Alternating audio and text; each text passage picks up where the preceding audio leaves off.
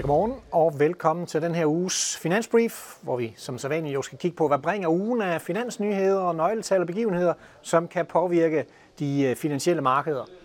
Vi plejer også altid at tage et lille tilbageblik på, øh, på markederne i, i sidste uge, og specielt den her gang giver det måske rigtig god mening, fordi vi oplevede nogle lidt usædvanlige ting i, øh, i sidste uge, når vi kigger på, øh, på aktiemarkedet. Generelt kan vi selvfølgelig se, at det var en negativ uge for, øh, for aktiemarkedet, globale aktier, amerikanske aktier ned, europæiske aktier klarer sig noget bedre, og ja, sådan lidt mere selskabs specifikke ting gør, at danske aktier faktisk får et, øh, et plus, men emerging market aktier, de er altså også nede. Vi kan se, at dollaren er styrket, vi kan se, at renterne stiger igen, øh, og vi kan se, at olieprisen fik et ordentligt dyk i sidste uge. Og så det er jo de klassiske kan man sige, frygtting. Man er bange for, man er bange for recession, man er bange for inflation, fordi at højere inflation, jamen det betyder også, at centralbankerne skal stramme noget mere, og det er man så nervøs for, at det skal komme til at gå ud over væksten. Så en, en uge stadigvæk, hvor, hvor der var lidt, øh, lidt, lidt frygt i markedet, må vi sige.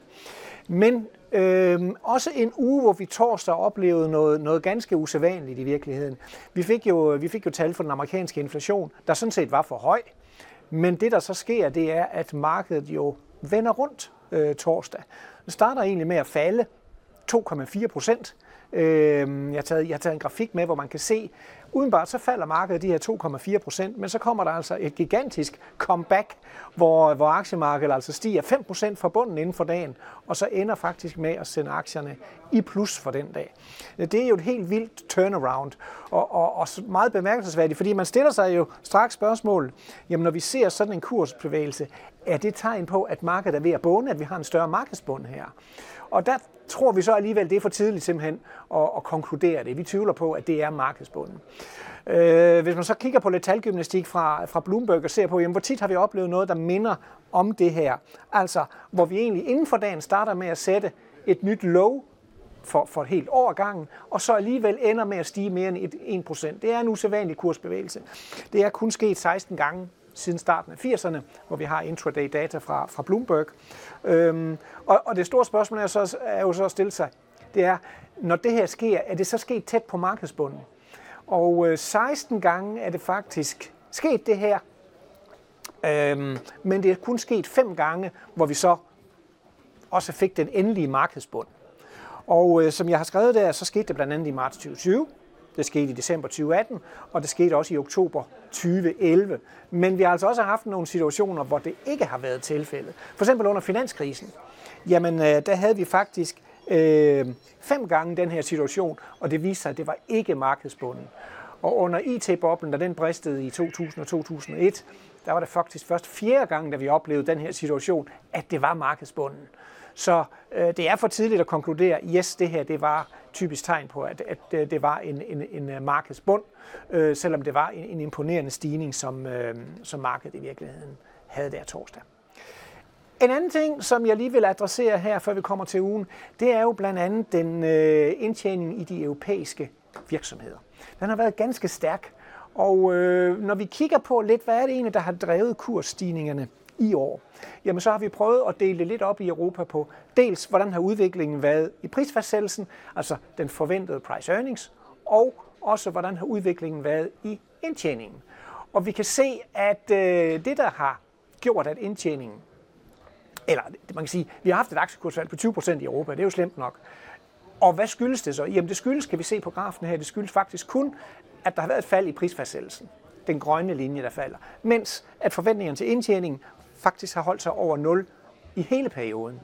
Så det vil sige, at der har faktisk næsten kun været én faktor, der har drevet de her aktiekursfald.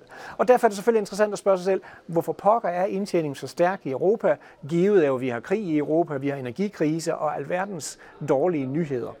Øhm, og det har vi selvfølgelig også et, et par bud på.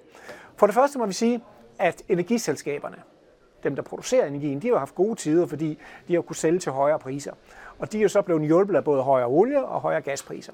Øhm, og også, kan man sige, i raffineringen af olie, der har der altså også været nogle højere marginer. Det har også hjulpet. Og øh, de 30% indtjeningsvækst, man faktisk forventer for Europa her i tredje kvartal, jamen der kan de 20 point, de kan altså tilskrives energiselskaberne. Så de har altså kørt en stor del af, af showet, og det er jo ikke sikkert, at de bliver ved med det. Øh, så er der selvfølgelig også det rent, kan man sige, simple, at når inflationen stiger, jamen så rent mekanisk, så vil indtjeningen stige, den er jo målt i løbende, i løbende priser. Øh, vi ved også, at øh, Europa Udover at have mange energiselskaber, har de også en, en hel del banker, og de er selvfølgelig blevet hjulpet af, at renterne er steget. Det har, det har understøttet deres indtjeningsmomentum, øh, som faktisk er på det højeste siden 2010. Og endelig kan man sige, så Europa har jo også nyt godt af, at euroen er svækket sig. Europa er en meget åben region, meget, øh, handler meget med udlandet, og det er klart, de får en bedre konkurrenceevne, når euroen den svækker sig. Og øh, 50 procent af deres indtjening kommer faktisk fra udlandet. Så det er selvfølgelig også noget af det, der har været med til at hjælpe indtjeningen i de europæiske selskaber. Og det store spørgsmål er selvfølgelig, jamen kommer indtjeningen til at fortsætte med at være så stærk? Og der kommer så måske den, det, den lidt dårlige nyhed, at det forventer vi egentlig ikke. Når vi kigger på indtjeningsudviklingen og holder den op for eksempel mod sådan et globalt konjunkturbarometer som ordreindgangen, jamen så indikerer den faktisk, at indtjeningsvæksten i Europa skal altså også ned. Vi har jo også i vores prognose en europæisk recession her starten i fjerde kvartal, og der er det altså svært at se, at det ikke skulle påvirke indtjeningen i de europæiske virksomheder negativt. Og øh, dermed også tynge på indtjening, og dermed jo selvfølgelig måske også tynge på, øh, på aktiekurserne. Selvom aktiekursen jo er faldet i år, så er det nok mere på grund af den, øh, de højere renter, der har givet lavere prisfastsættelse, Indtjeningen har ikke rykket sig så forfærdeligt meget. Jeps. Øhm, det var sådan et par ting om, om aktiemarkedet. Vi skal selvfølgelig ikke glemme, at vi, vi også har en, en uge med finansnyheder.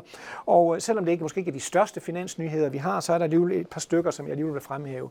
Øh, der kommer tal fra Kina blandt andet, øh, tredje kvartals BNP, hvor der jo kommer et løft efter andet kvartal, hvor de var jo lukket ned på grund af covid-19. Øh, der kommer også lidt andre nøgletal fra Kina, detaljsalg industriproduktion, hvor der også kan være ligesom et, et genåbningsløft. Væksten er jo ikke super stærk i, øh, i, i Kina, men dog stærkere i andet kvartal. Vi skal også tænke på, at vi har partikongressen, der jo kører i øh, Kina, den der kun holdes hver femte år, hvor man jo vil holde meget øje med, hvor meget befæstiger Xi Jinping sin magt, øh, og bliver han for eksempel formand for partiet, men hun selvfølgelig også høre, hvad kommer der til at blive sagt omkring covid-19, og der var allerede en tale i weekenden, hvor der i hvert fald blev signaleret, at der ikke øh, er større ændringer på vej i den her nul-tolerance-politik, og der er jo også en form for nul-tolerance over for Taiwan, så det har været med til at trykke stemningen lidt i Asien her, øh, her til morgen. Tredje kvartalsregnskaberne kører jo også videre. Vi fik nogle OK bankregnskaber i fredags, øh, så vi kører jo stadigvæk videre med, med regnskabssæsonen. Lidt tal også for, øh, for USA med industriproduktion, øh, der kommer. Og endelig er der også et europæisk topmøde her i slutningen af ugen. Ikke sikkert, det lige påvirker markedet, men det er selvfølgelig altid noget, som vi er nødt til at holde øje med. Plus lidt tal for boligbyggeriet også i, øh, i USA. Og endelig vil jeg måske også nævne, at øh, i Storbritannien, der er stadigvæk pres på premierministeren.